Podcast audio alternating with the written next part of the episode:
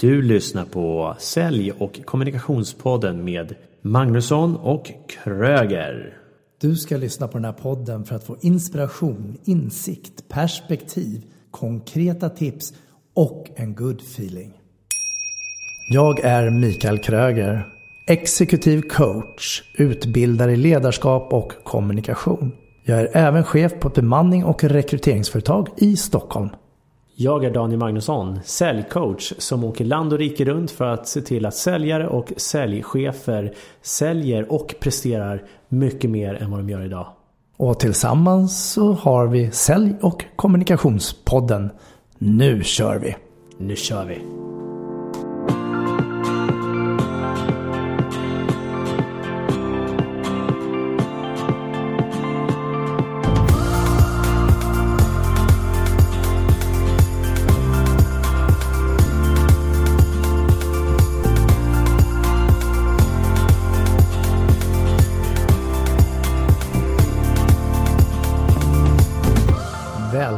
Till avsnitt 23. Och idag ska vi prata om merförsäljning och dess värde. Jag är Mikael Kröger. Och jag är Daniel Magnusson. Och direkt så tänker jag ju det här förväxling, förvirring. Vad är egentligen merförsäljning? Skulle det kunna vara flera saker egentligen. Det skulle kunna vara att du säljer mer av det du har. Det kan också vara att du säljer mer av andra tjänster som du erbjuder.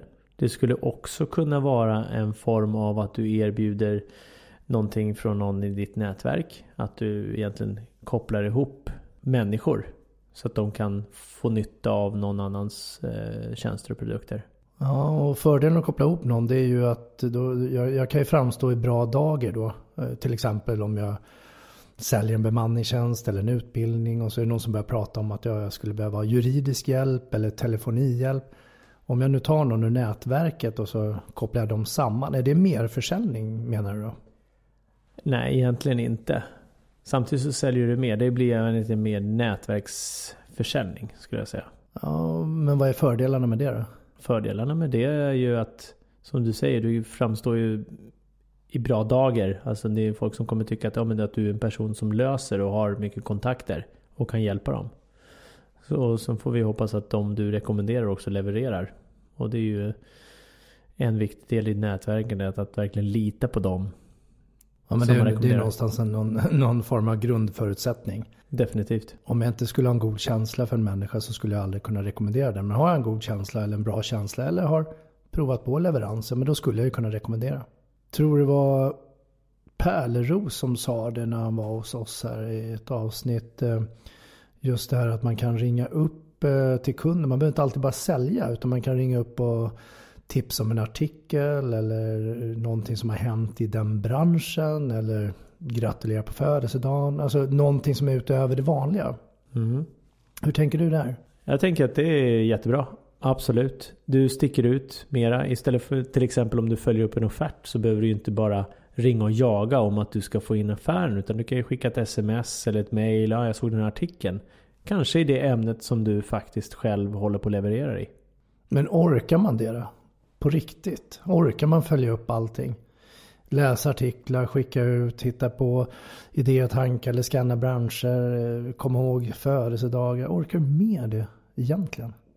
Om du vill sticka ut i branschen så behöver du orka. Sen om du inte orkar det, men då får du inte de resultaten heller.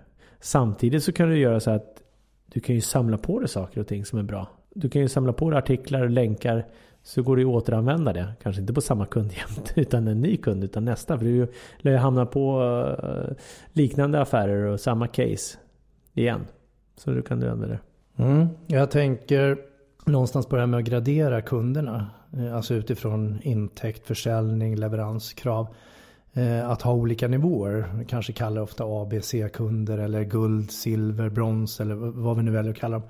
Mm, I min värld är det viktigt att ha en strategi kring just varje enskild kund. Så den som är storkunden, men den ska ha lite extra. Den som är medelkunden, den får det här mellantinget. Och den som är mindre är också väldigt viktig eftersom den kan växa. Men kanske en mindre aktivitetshandling kring det. Ja, och sen eh, tänka också att kan jag utveckla den här kunden mer? Kan jag nyttja den kunden mer också i form av nätverk.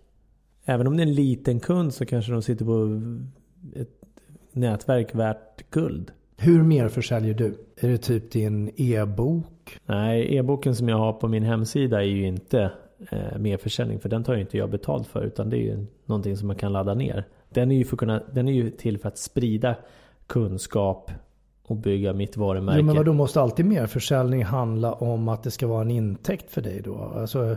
I det här fallet ja, som det heter försäljning.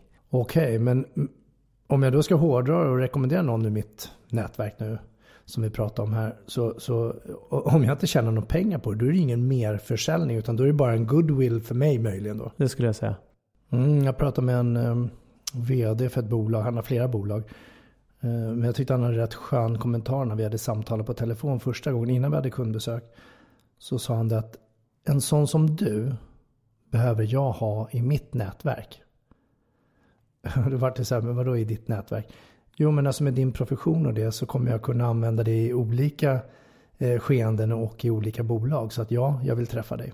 Ja, och det, det är skyddscred. Ja, och helt plötsligt så är du ju i hans nätverk redan egentligen så fort han säger det. Och ni får den kontakten när ni knyter ihop på något sätt. Och det kom från en rekommendation från en i mitt nätverk.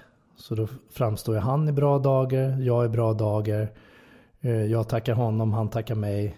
Kunden är nöjd. Ja, okej, okay, jag köper mm. det. Mm. Ska jag svara på din fråga då om vad jag mer försäljer? Så ska jag säga att det jag brukar göra det är att adderar på eller erbjuder dem mera av mina tjänster. Säg att det är någon som anlitar mig för en kurs eh, och hålla en workshop.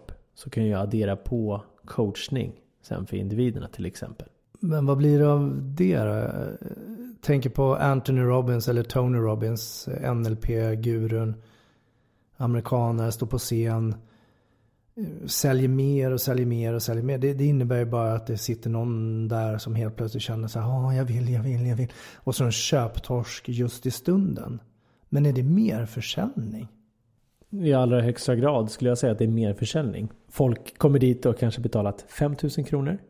Ja, liknande. minst. Ja, minst. Ja, men det, det, biljetterna överlag är väldigt billiga med tanke på hur mycket man får många dagar. Och eh, tittar man då på det är ju ett sätt för han att tjäna pengar och marknadsföra och bygga sitt varumärke såklart. Sen så har han ju massor med andra erbjudanden där. Och som du säger, massor med kurser. Det är ja, Böcker, videofilmer, YouTube-klipp, eh, nya utbildningar, coaching. Ja, och definitivt i allra högsta grad merförsäljning. Ja, det köper jag att det är merförsäljning. Men, men någonstans så är det American way. Eh, lite grann om motivationsförsäljning. Också just det här att eh, de som är snabba på att ta beslut, de tar beslutet nu och kliv in och kör. Men så tänker jag ju om det ska vara en långsiktig relation eh, med, alltså i försäljning, svenska sättet då. Visst, vi kan ju hitta folk i svaga ögonblick och så pracka på dem massor och sen ångrar de sig. Jag vet inte exakt vad jag är ute efter just nu, men det, det, någonstans kan jag känna någon sån här irritation över att enough is enough. När ska jag sluta plocka på folk massa saker? När du säljer sånt som kunden egentligen inte behöver, skulle jag säga. Ja, hur vet jag det? Ja, genom att ställa frågor och sen så gå på egen känsla skulle jag säga. Ja, men jag har ju någon sån här eh, inbyggd, eh, jag vet inte vad som händer med mig, men när jag sitter och pratar med kunder och även om jag har kollegor med och vi sitter och pratar och vi kanske har olika produkter och olika tjänster som ändå är lika på något sätt. Så går det väldigt snabbt i mitt huvud hur jag sorterar upp. Och jag hör när kunden säger någonting eh, som jag uppfattar som en köpsignal. Så jag hittar en lucka i deras eh, eget eh, behov. Och där hugger jag in. Och det blir oftast väldigt, väldigt bra. Eh, sen är det bara frågan om hur långt ska jag sträcka det då? Jag, i, I det läget när man har den här goda känslan då kanske jag kan sälja mer. Och då blir det så här liksom, okej okay, men kommer det hjälpa mig i framtiden? Eller just för stunden? Vill jag vara duktig i stunden? Så länge du fortfarande säljer någonting som kunden har nytta av, som du tar rätt på utifrån vad du själv kan genom att ställa dina frågor och få, dina, och få svar från kunden, så är det ju definitivt rätt. Däremot om du känner att du, som jag nämnde lite tidigare, att liksom det blir lite för mycket. Att du kanske är ute och tassar och försöker sälja sånt som de egentligen inte behöver. Då, då kan du nog börja riskera relationen. Sen så måste vi som människor fortfarande ta vårt egna ansvar att tacka nej och så vidare. Jag menar, vi har ju hört många gånger i nyheterna telefonsäljare som säljer mobilabonnemang till personer som inte behöver det överhuvudtaget. Jag hörde någon som hade sålt typ så åtta eller tolv mobilabonnemang till ett företag som var fyra personer. Eller något alltså det, först och främst måste man ju veta vad man tackar ja till som kund också.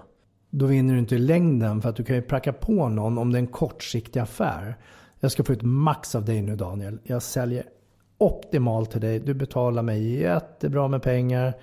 Jag är duktig, jag kan gå till min chef och redovisa att jag har gjort en kanonaffär och sen får jag mina bonusar. Men affären är ju i min värld förhållandevis kortsiktig.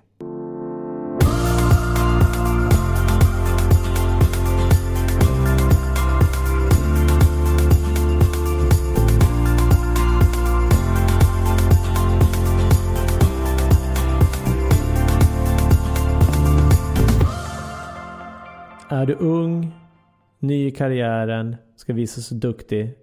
Absolut, det är ju så folk gör. Samtidigt som det gäller det att titta tillbaka. Det gäller ju att kunna vara stolt över de affärerna som du har gjort. Och inte känna att du har lurat kunden. Men hur vet du det om du är ung idag då?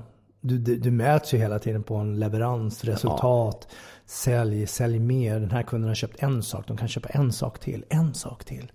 Det är så du ofta mäts som en yngre säljare som kanske inte har skapat hela sin egen identitet och integritet.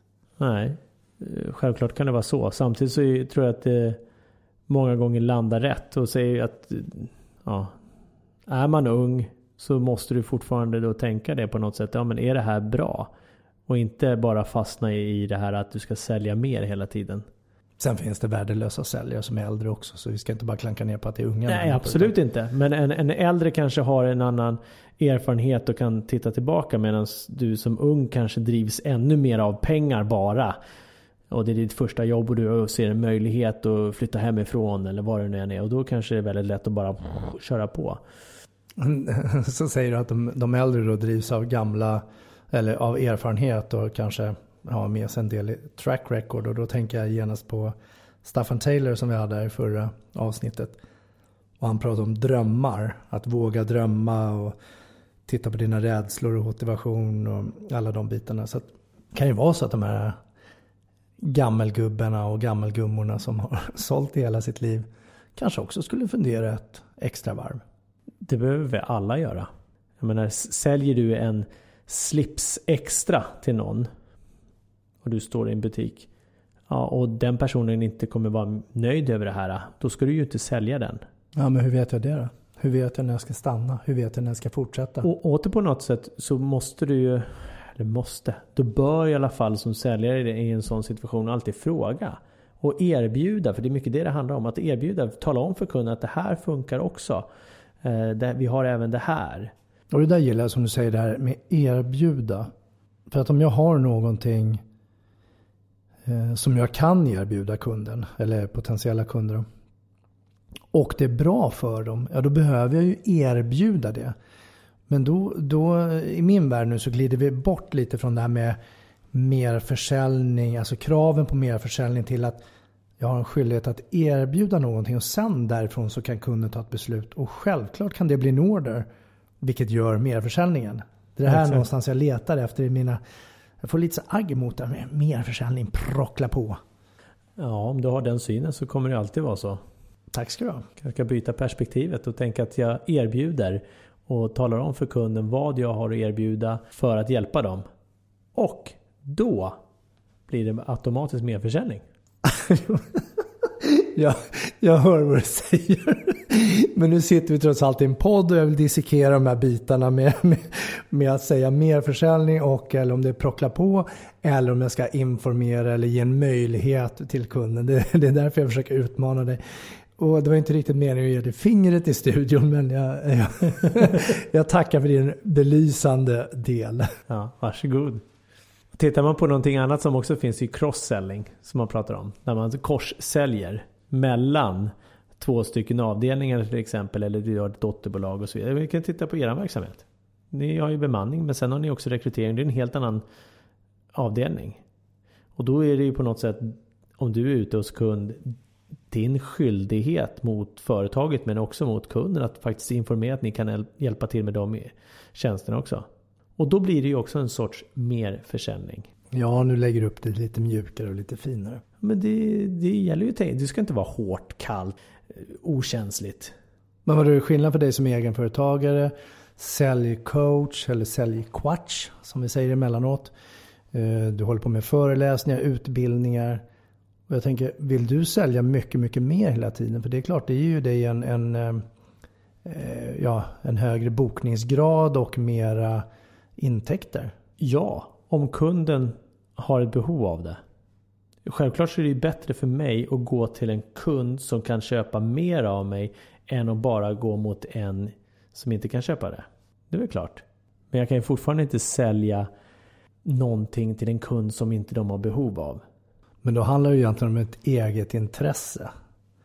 Eh, om du som eh, enmans eller fåmansbolag då vill tjäna mer pengar, då trycker du på försäljningen. Är jag anställd och har min lön ändå, fast självklart har jag krav och resultat, leverans och mål som genererar pengar. Eh, så kanske jag inte har samma tryck i mer försäljningen. Förstår du vad jag menar? Ja, såklart det kan vara. Men, men jag tänker också att den personen har ju kanske också provision. Och kommer få ta del av provisionen. Jo, jo vi kan ju säga tänker, tycker, möjligt, eventuellt. Absolut. Ja. Men vad jag är ute efter är att är, är du mera hårdtryckssäljande på dina merförsäljningspunkter, det vill säga intäkter. Om du nu skulle jämföra med någon som har en anställning där det sitter 10, 15, 20 säljare och säljer tror du? Det tror jag inte att det är. Eh, för att jag tar rätt på det väldigt tidigt. Finns behovet eller finns det inte? Finns inte behovet då kommer inte jag gå på där. Men det är ju återigen, jag behöver ju ändå upplysa kunden om att det här ser jag som bästa lösningen. Det kan ju handla om hela paketeringen. Och då kanske jag tar in min merförsäljning om man ser det så. Däremot så är det ju viktigt också att titta på inom, inom företagen, att titta på vad är det mer du ska erbjuda? Det är, klassiskt är väl egentligen om du går in och köper någonting på en webbshop. Speciellt elektronik eller om du går in i en affär. Du köper en TV. Ja, vad bra. Eh, har du HDMI-kabel så du kan koppla ihop den? Och se, Nej, det har jag inte. Och lite mer försäljning. Hur ser det ut med stativ? Och det handlar inte om att de ska kränga in och tjäna så mycket pengar. Utan ja, det är klart det kan handla om det också. Men många gånger så gäller det ju från säljande sida att se vad är det kunden behöver? Nej men vi har ett stativ sedan tidigare. Jaha, vad är det för något? Det här är mycket bättre.